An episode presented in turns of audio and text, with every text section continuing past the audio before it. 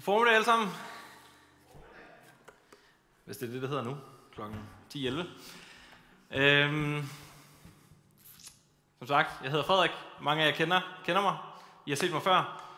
Jeg er virkelig, virkelig glad for, at I har inviteret mig til at øh, skulle prædike. Jeg føler mig hjemme, når jeg kommer tilbage. Det her, det er stadigvæk, selvom jeg er i Holbæk nu, og i en dejlig kirke derovre, så føler jeg mig stadigvæk hjemme, når jeg kommer tilbage til Jakobskirken. Det skal I bare vide. Og faktisk så er øh, det her den første prædiken, jeg nogensinde skal holde, i hvert fald fuld prædiken. Og det er bare dejligt at få lov at gøre blandt venner, kendte ansigter, familie. Så tak for det. Øhm, jeg skal prædike i dag om det at være kaldet. Øhm, og det, øhm, det er blevet lagt mig på hjerte, for jeg tror, der er nogen, der har behov for at høre det i dag. Jeg tror, der er nogen, der har behov for at høre, hvad er alt det her med at blive kaldet? Hvad er det egentlig for noget, og hvad betyder det? Øhm, og det vil jeg gerne prædike over, også fordi, at jeg selv de sidste par år har oplevet noget i forhold til det her. Men jeg vil starte øh, med en lille livshistorie, og faktisk vil jeg starte med et lille spørgsmål. Hvor mange af jer har tænkt over, hvad jeres kald er i livet? Yes. Hvor mange af jer har været frustreret over det? Yes. Hvor mange af jer har ikke vidst, hvad det overhovedet var? Ja, godt, så er vi samme båd. Det er dejligt. Ellers så var der ikke nogen at prædike til i dag, hvis I alle sammen vidste det hele. Øhm, da jeg var barn, der snakkede man rigtig, rigtig, rigtig meget om kald. Jeg kommer fra Kolding, fra Apostolsk Mekka, som vi kalder det. Derovre, hvor at, øh, der er masser af Apostolsk Kirke. Og dengang i 90'erne, da jeg var barn, der snakkede man rigtig, rigtig meget om det at være kaldet. Både i børnearbejdet, men egentlig også i min egen familie. Og øhm, så helt naturligt, så er jeg blevet opflasket med, at der er et særligt kald over dit liv. Og da jeg så var på porplejr som barn, 7-8-årig, og tog imod Jesus første gang, det har man gjort mange gange som barn, og især på porplejren, der får man tilbudt det tit. Så øh, det har jeg gjort mange gange. Men de første gange, jeg tog imod Jesus som 7-8-årig, så har jeg tænkt lige siden, kan jeg vide, hvad det er, at Gud han vil med mig. Nu har jeg fået ham i mit liv, og nu vil han sikkert et eller andet. Og det gik jeg at så meget over, at jeg faktisk spurgte min far, som på det tidspunkt var præst i IKAST.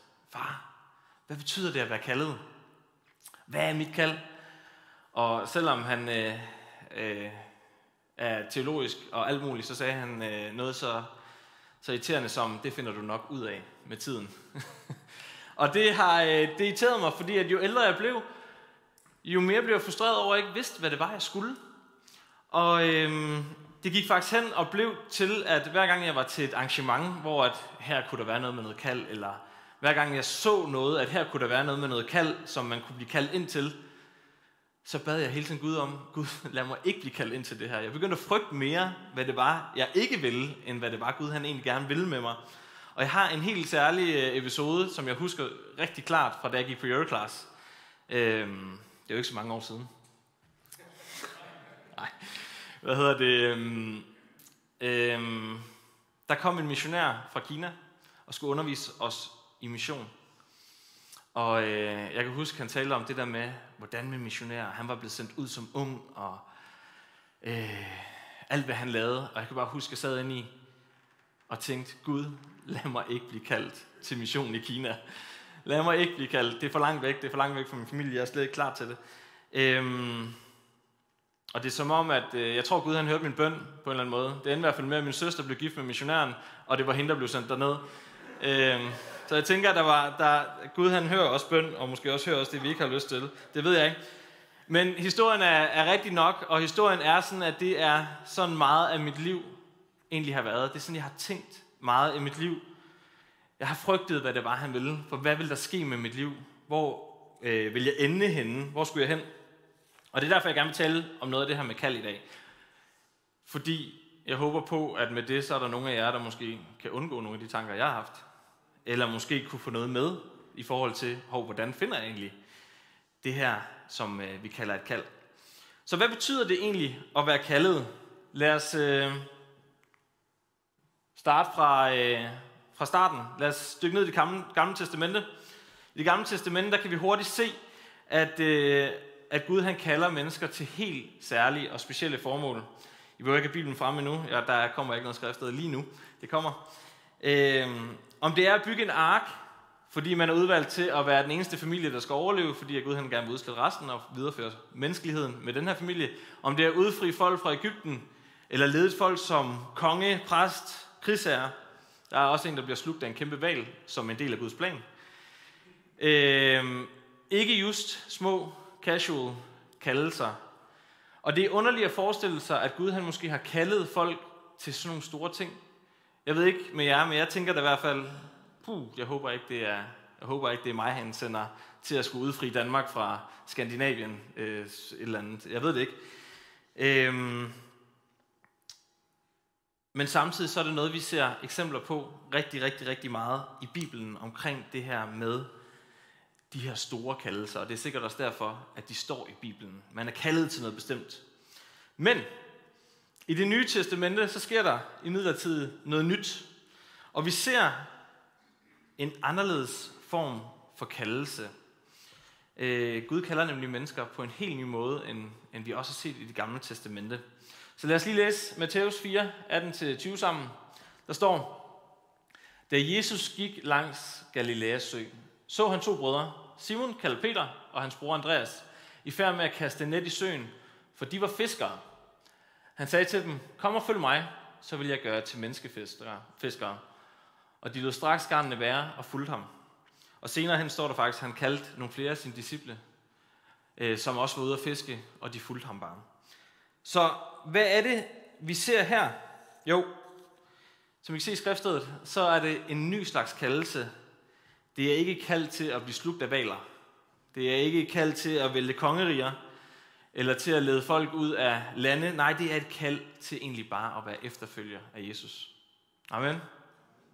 Det er vores første, det er også som vi sang i sangen lige før, for det kald, som jeg har, det er ældste far. Det er det første og vigtigste kald i vores liv. Det er at følge Jesus. Sænk skuldrene. Det var noget, jeg ikke, øh, det var noget, jeg ikke havde fået med, dengang jeg gik og tænkte over, hvad var mit kald i mit liv. Jeg troede hele tiden, jeg skulle ud og forandre hele verden. Men jeg glemte helt, at mit første og vigtigste kald, det er at elske Jesus. Øhm. Så nu sænker vi skuldrene. Vi skal bare elske Jesus. Eller hvad? Skal jeg stoppe prædiken her? Skal vi, skal vi køre videre? Nej, ja, det er jo ret nok, at vi skal, vi skal først og fremmest elske Jesus. Vi skal følge ham. Øh, Der står endda i, øh, i øh, Romerne 8, at vi, skal, vi, skal, vi er kaldet til at elske Jesus, og vi skal ligne ham. Vi skal prøve at se, om vi kan forsøge at ligne Jesus i det her. Øh, fordi hvis vi gør det, så, øh, så får vi billetten. Vi garanterer os billetten til himlen. Yes, vi er frelst. Vi er reddet, og det er helt fantastisk. Og der står faktisk lige præcis, hvad det er, Gud han mener med den her kaldelse. Der står, og dem han har kaldt, Øh, og dem, han har kaldet, har han også frikendt. Og dem, han har frikendt, får del i hans herlige og evige liv. Amen. Det er dejligt at vide, at Gud han også siger det. Så ligesom vi hørte med historien omkring Peter, så er første forskrift på vejen, det er at følge efter ham. Og jeg tror på mange måder, at vi egentlig kan stoppe den her og sige, okay, yes, jeg følger Jesus. Det er bare ikke så enkelt, det der med at følge Jesus. For når man tilvælger Jesus, så fravælger man noget andet. Og tilvælge Jesus, det er ikke bare noget, jeg gjorde på en lejr, da jeg var 7-8 år, for lang tid siden på Porplejren. Det er noget, jeg gør kontinuerligt, hver dag. Ligesom jeg skal vågne op ved siden af min kone og beslutte mig for at elske hende hver dag. Ikke fordi det er svært, bare roligt. men, men det er noget, jeg skal blive ved med at følge. Jeg skal ikke begynde at følge andre. Eller jeg skal beslutte mig for at gå på arbejde. Eller jeg skal beslutte mig for ikke at gøre det her. Eller ikke at gøre det her, fordi jeg vælger til hele tiden, så jeg kan ligne Jesus mere og mere. Øhm, og det tror jeg, han har kaldet os til. Og samtidig, så tror jeg faktisk, at vi har mere end det, øh, som Gud har kaldet os til i vores liv.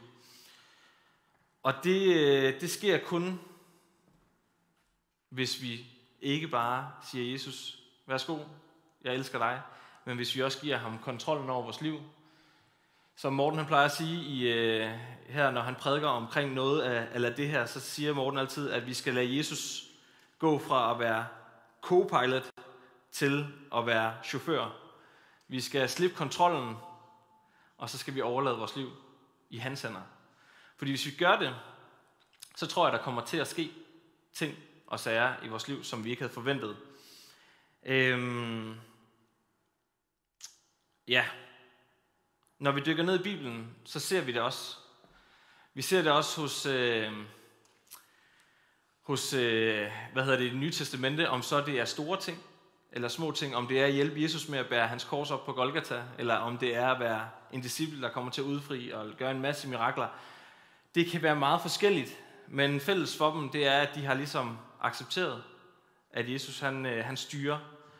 Øhm, så det der med Guds store plan i Bibelen, det kan betyde rigtig mange ting. Og nu skal jeg ikke skræmme jer. Det er ikke fordi, vi skal tilbage til at sluse valer igen. Det er slet ikke der, vi er. Vi, vi er stadigvæk der, hvor at, at, øh, at Gud han har kontrollen, og det kan være også de små ting. Det kan også være de store ting. Så hvordan er det, vi egentlig finder ud af, hvad det er, Gud han egentlig vil, når vi slipper kontrollen? Og jeg vil prøve at beskrive det lidt, som, øh, som Ruben han engang gjorde, da vi havde Next tilbage for lang siden, for jeg, jeg der ikke ved det, måske herover, der var med til at starte Next i sin tid. Og der kørte vi også undervisning og nogle undervisningsforløb, og vi kørte også om noget om, at det at være kaldt, øhm, og hvordan man finder sit kald. Så når man tager imod Jesus, så sker der en modningsproces. Kan I huske for nogle år siden i kirken, der havde vi et forløb, der hed Genoprettet Liv. Ja, der var et par stykker, der, der var her dengang. Yes. Øhm, det genoprettede liv handler ikke bare om, at vi, vi, det handler om, at vi tager imod Jesus, og så gør vi selvfølgelig noget for, at vi skal prøve at følge efter ham og ligne ham. Men der sker også noget mere. Det, der sker, det er, at Helligånden kommer ind i vores liv, fordi vi har givet ham kontrollen, og så begynder han at forandre de små ting. Det kan være ting, vi ikke lige umiddelbart selv ser, eller selv øh, mærker lige med det samme. Men Helligånden begynder at pille ved nogle små ting. Han begynder at fjerne noget. Han begynder at sætte nogle ting til. Om det er i vores personlige liv, i vores familieliv, i vores arbejdsliv. Der har været alle emnerne i det her forløb, øh, det genoprettede liv. Men det Helligånden også går ind og gør, når vi, øh, vi er trofast, og når vi er lydhøre over for Gud, så vil han måske placere en nød en lille nød i vores øh, hjerte, og du tænker, en nød, hvad er det, og hvad er meningen, jeg skal med en nød? Så det er ikke en hvilken som helst nød, det er ikke en nød, som vi skal åbne, det er ikke en nød, som vi skal spise. Det er en nød til tjeneste. For når vi, øh, eller når Guds, Gud begynder at kalde, så begynder han ofte at kalde på vores hjerter med en lille nød eller en brand, om man vil, øh, for et bestemt behov, som på en eller anden måde vedrører Guds rige. Og øh, det er et behov, som vi søger at dække, fordi vi ikke kan lade være. Kender I det? Kender I det der med, at I ser et eller andet, hvor I tænker, her bliver jeg nødt til at gøre noget? Eller hvis der er en, der er faldet på vejen, så bliver man nødt til at gøre noget, eller så bliver personen kørt over. Men man kan også mærke måske, jeg har behov for at hjælpe den her person. Og så gør man det. Man træder ind i behovet, og så, så øh, prøver man at se, om man kan dække det. Og det er lidt på samme måde, som Helligånden gør. Øh, vi kan nemlig ikke lade være. Og Helligånden, når han giver os en nød for ting, så giver han os også gaverne til at løse problemet. Ja, amen. Det er rigtigt. Han giver os gaverne til at løse de ting, som han sætter på vores hjerte. Og når vi går, eller når jeg har gået i hvert fald, og frygtet, at jeg ikke kunne det her, og det her, og det her, og det her, så er det fordi, at Helligånden måske ikke har givet mig en nød for de ting. Og derfor har Helligånden jo heller ikke givet mig hjertet, eller, eller evnerne måske til at løse de ting. Måske skal jeg ikke være ud og være missionær, eller måske skal jeg ikke øh, gå rundt på gaden og bede for de syge, fordi at det er ikke der, som mit hjerte ligger, og derfor har Gud heller ikke givet mig måske gaverne til at gøre det. Det har han heldigvis med så mange andre. Øhm, Men det kan være alt muligt. Det kan være, at du er nødt for mennesker i Afrika. Hvad kan du så gøre? Hvad er behovet? Du kan tage dig ned. Hvis det er, du kan tage ned og hjælpe. Du kan tage ned og fortælle om Jesus. Måske er det ikke det, der er behovet. Måske er behovet, at du øh, sender nogle penge. Måske er behovet, at du beder for nogle af de mennesker. Vi har en Ukraine-krise lige nu. Skal vi tage ned og kæmpe mod Putin? Det tror jeg ikke. Men måske vi kan bede for de mennesker, der, der kommer, eller er dernede. Måske vi kan tage imod nogle af de ukrainere, der kommer, og det ved jeg ikke, give dem mad. Finde et, øh, noget husly til dem. Det kan være så mange ting. Nød kan opstå pludseligt. Øhm, det kan egentlig også være, at du bare har nød for øh, folk i familienetværket. Og så er behovet, at du skænker kaffe og, og taler med folk, så de måske kan lære Jesus at kende. Det kan være stort, det kan være småt. Og det kan være, du tænker, ja ja, det er meget godt alt sammen. Måske, øh, måske synes du ikke selv, at du er vildt god til mange ting. Det er ikke, sådan har jeg oplevet. Måske tror du ikke, du kan byde ind med særlig meget, fordi andre er bedre end dig til alle de her små ting. Eller måske tænker du, at den nød, som Helligånden har puttet i dit hjerte, slet ikke er overensstemmelse med de evner, som du har, og om de overhovedet passer til dig. Og der vil jeg gerne trække historien ind om Peter igen. Til Peter, han var jo bare en simpel fisker. Han havde sikkert ikke nogen uddannelse, det ved jeg ikke. Måske en uddannelse inden for fiskeri, det ved jeg ikke, om det fandtes dengang. Han kunne sikkert ikke læse eller skrive, det ved jeg ikke. Det ved jeg ikke nok om ham til. Men Jesus han valgte at kalde ham alligevel. Så lad os lige spole tiden lidt frem til, øhm, til tiden, også før korsfæstelsen. Der har Jesus i sin samtale med disciplene, hvor, at, øh, hvor han spørger dem, hvem siger folk, jeg er? Folk de siger, jamen øh, du er Elias, du er Johannes Døber. Og så spørger han, så siger Peter, eller så siger Jesus, hvem tror I er? Og så siger Peter, du er Messias, Gud egen søn. Simon Jonas søn, du er en velsignet mand, sagde Jesus, for det har du ikke fra mennesker, men fra min far i himlen. Og det har han åbenbaret for dig. Derfor siger jeg til dig, du skal hedde Peter, og på den klippegrund vil jeg bygge min menighed. Den skal djævlen aldrig nogensinde få magt over. Så jeg tror faktisk, der er en mening med, at vi skal kende historien øh, om kaldelsen af Peter, og så det her skriftsted. Fordi selvom Peter han måske ikke var den hurtigste knaller på havnen, han, øh, han lavede fejl, han var ikke den større, største, stærkeste, vildeste, så tror jeg faktisk, at Jesus han gør noget, øh, noget ret vildt her. Han så et potentiale i Peter, som ingen af Peters medmennesker, eller ingen i samfundet, havde set. Han så et potentiale til øh, at være den mand, som Jesus vil bygge sin menighed på. Der er to milliarder mennesker, der, eller i verden, ikke i Danmark, i verden, der er kristne. Prøv lige at overveje et ansvar, Peter han blandt andet også har haft i det her. Øh, jeg tror, hvis man spørger Peter selv, hvad han havde tænkt, han skulle være, når han øh, blev stor, skulle jeg lige til at sige, når han, øh, så tror jeg, han vil sige fisker.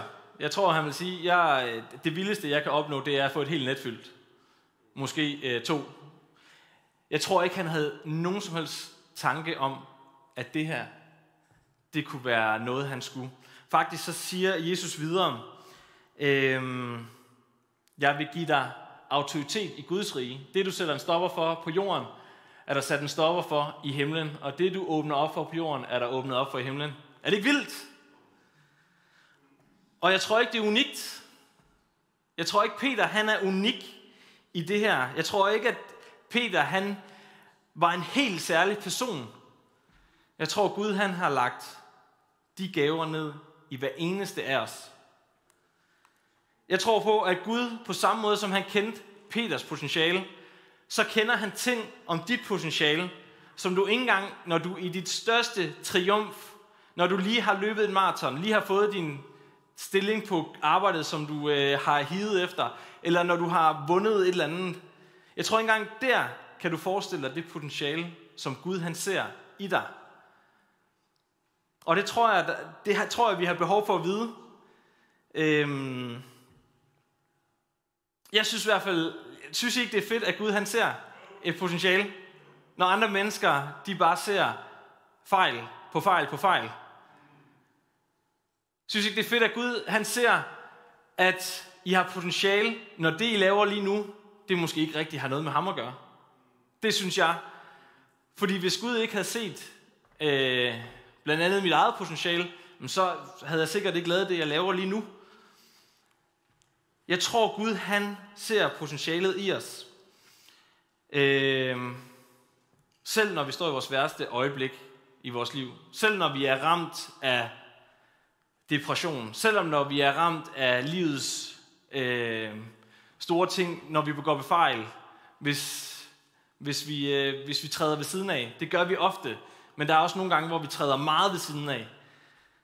Og selv der, så ser Gud vores potentiale. Gjorde han også i Peter. Peter, han fornægtede Jesus. Og det vidste, det vidste han godt. Det vidste Jesus godt. Og samt, stadigvæk så sagde han, du vil være den klippe, jeg bygger kirken på. Lad os lige vende tilbage til historien fra indledningen for den her prædiken. For det er fint med nød. Det er fint med, at, at jeg har nævnt alle de her ting, men det kan være, at du sidder derude, eller ude bag skærmen, og ikke rigtig kan mærke nogen nød for noget. Det kan også være, at du lige har været i tjeneste, og måske din tjeneste, den, øh, den er ved at stoppe lige på det her felt, og du står til at skulle tage et nyt skridt. Jeg ved det ikke. Men det kan være rigtig, rigtig, rigtig skræmmende at skulle træde ud på nyt vand, på dybt vand. For det er der, man først finder ud af, om, om øh, sælerne holder. Det er der, man finder ud af, om Gud han løfter en, eller om han lader en synk, ligesom Peter på vandet. Hvad sker der, hvis vi træder ud af båden? Øhm, det synes jeg lyder vildt skræmmende. Øhm, og det kan være, at du også har det på samme måde som mig. Derfor så vil jeg gerne lige fortælle en lille historie fra mit eget liv. Nogle af jer kender noget til den, nogle af jer gør måske ikke. Øhm, det er en historie om, hvad der er sket med mig de sidste to år. Øhm, da jeg boede i Odense, var jeg med til at starte ungdomsarbejde op. Jeg havde en nød for at lave ungdomsarbejde for unge mennesker, og måske handlede det lige så meget om, at jeg var selv et ung menneske på det tidspunkt, og der ikke var noget ungdomsarbejde, det ved jeg ikke. Men jeg havde også en nød for at lave ungdomsarbejde for unge mennesker øh, tilbage i 16. Og i 19, 2019, der blev jeg færdig med min uddannelse. Og det er jo ikke fordi min brand for unge mennesker stoppede. Jeg vidste bare, at jeg skulle noget andet. Men hvad jeg skulle, havde ingen anelse om. Gud han begyndte at gøre noget i både mit og Pernilles liv. Vi blev restløse. Vi, øh, Ruben han husker det. Jeg sad oppe på kontoret og lavede ikke en bjælle tit oppe i kirken, fordi at jeg vidste ikke, hvad jeg skulle. Jeg var færdig. Jeg havde opnået min uddannelse. Og jeg havde ikke fået et særligt kald ind over mit liv. Øhm, så jeg kan huske en aften, der stod jeg ude i gården. Vi boede op på, på første salen herovre.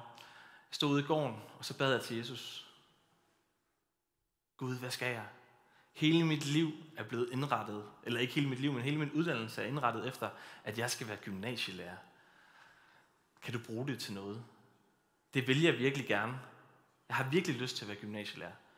Og jeg fornemte sådan et prompte svar, der kom lige efter. Det havde jeg slet ikke forventet. Jeg oplevede, at Gud han sagde, du kan vælge at blive gymnasielærer. Det skal jeg nok velsigne. Jeg har også noget andet for dig.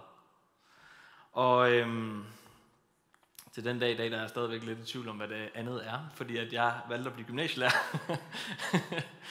øhm, jeg sendte rigtig mange ansøgninger, og det skal siges, det er rigtig svært at blive gymnasielærer.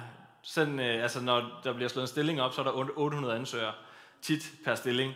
Det er rigtig, rigtig svært. Jeg fik et tilbud på noget, der hedder Hovedstadens Kristne Gymnasium. På det tidspunkt var det helt nyt. Helt nyt gymnasium. Og øhm, jeg fik 8 timer om ugen. Så tænkte jeg, okay, så prøver jeg det. Jeg havde besluttet mig for, at jeg skulle aldrig over på den anden side af bæltet. Der er vel en grund til, at det hedder djævløven. Nej, jeg ved det ikke. øh, og jeg vidste, at øh, Pernille, hun skulle i hvert fald slet ikke derover. Øh, det er for langt for familien. Jeg begyndte så at arbejde derovre, begyndte at få noget hjerte for det. Jeg vidste ikke lige, hvad det var for noget. Og på et tidspunkt, så øh, gjorde Gud noget mirakuløst. Han gav mig muligheden for at få det, der hedder pædagogikum. Øh, efter et år, det er meget uhørt i gymnasieverdenen. Pædagogikum, det er øh, Det er sådan en ekstra uddannelse, som ikke særlig mange får, som du skal have for at være gymnasielærer. Det bliver man ikke på universitetet. Øhm, og øhm, det, det tænkte jeg, det skulle jeg, det er fuldtid. Men øh, Gud, jeg har jo ikke lyst til at komme derover. Pernille har slet ikke lyst til at komme derover. Hvad skal vi gøre? Og så sagde jeg til Gud, Gud, du bliver nødt til at arbejde på Pernilles hjerte, hvis hun skal med. Og øh, Gud, hvor skal vi overhovedet hen? Og vi oplevede sådan en, eller jeg oplevede sådan en, jeg ved ikke, sådan en øh, fred ind i, i en by, der hedder Holbæk. Er nogen af jer nogensinde har været i Holbæk? Ja, virkelig, virkelig en lille, lille by, langt væk fra København. Jeg tænkte, Gud, hvad vil du i Holbæk med mig? Jeg har aldrig været i byen. Øh, jeg kendte ikke så mange mennesker i byen. Hvad, hvad skal jeg i Holbæk? Ligger langt væk fra København. Men det følte jeg, og, og Gud han, han gav fred til både Pernille og jeg i det her.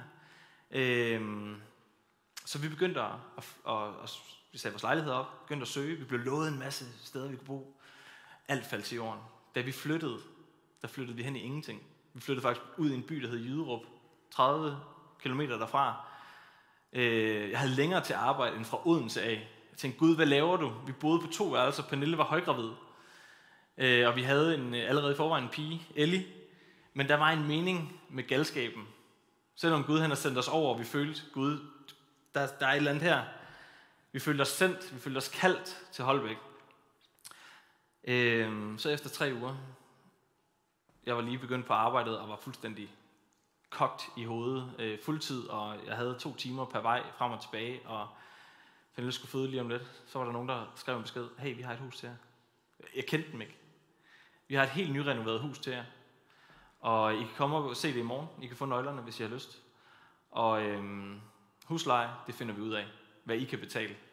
Vi havde røde tal, vi havde ingen penge, og vi havde ikke noget sted at bo, og det ordnede Gud. Sådan der.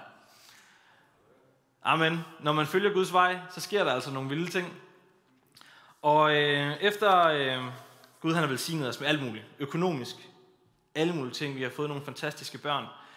Øhm, men det, som jeg står i lige nu, det er for et år siden, der fik jeg så tilbudt, jeg var ikke engang færdig med pædagogikum, så fik jeg tilbudt en stilling som viserektor på gymnasiet. Og øh, jeg tror, det har været Guds ledelse. Ikke fordi, at jeg skal være viserektor, nødvendigvis, men fordi det, jeg bruger størstedelen af min tid på lige nu, det er at være ungdomsleder. Bare på et gymnasium. Det får jeg løn for. Jeg tror, min tid i Odense har været træning til det. Jeg får mulighed for mere end noget andet sted at fortælle om Jesus på gymnasiet, når jeg er ude på efterskolerne og siger, hey, kom til det kristne gymnasium, nu skal I høre hvorfor, der findes en Gud, og så skal I høre. Det får jeg lov til, når jeg er på friskolerne, på gymnasiet, på efterskolerne. Jeg synes, det er sindssygt fedt. Og det er det, der sker, når man følger Guds vej. Det skal lige siges, det har ikke altid været let. Det er ikke fordi, når man følger Guds vej, at alting bare kommer til en. Det gjorde det lidt for, øh, for os. Men samtidig så, øh, så har vi også oplevet hårde kampe. Bilen går stadigvæk i stykker. Vi går stadigvæk i minus en gang imellem. Øh, vi bliver stadigvæk syge. Min, min kone og Zacharias er her ikke i dag, fordi at de er syge. Det er ikke fordi, at bare fordi man træder ud, hvor man ikke kan bunde, at tingene ikke også kan være hårde. Vi har endda kæmpet med en dreng, der, øh, der har været syg lige siden han var født, med nogle særlige ting. Og vi har oplevet at miste på områder i vores liv, vi aldrig havde troet, vi skulle opleve at miste. Men vi har støttet os til, åh oh ja, du har potentiale.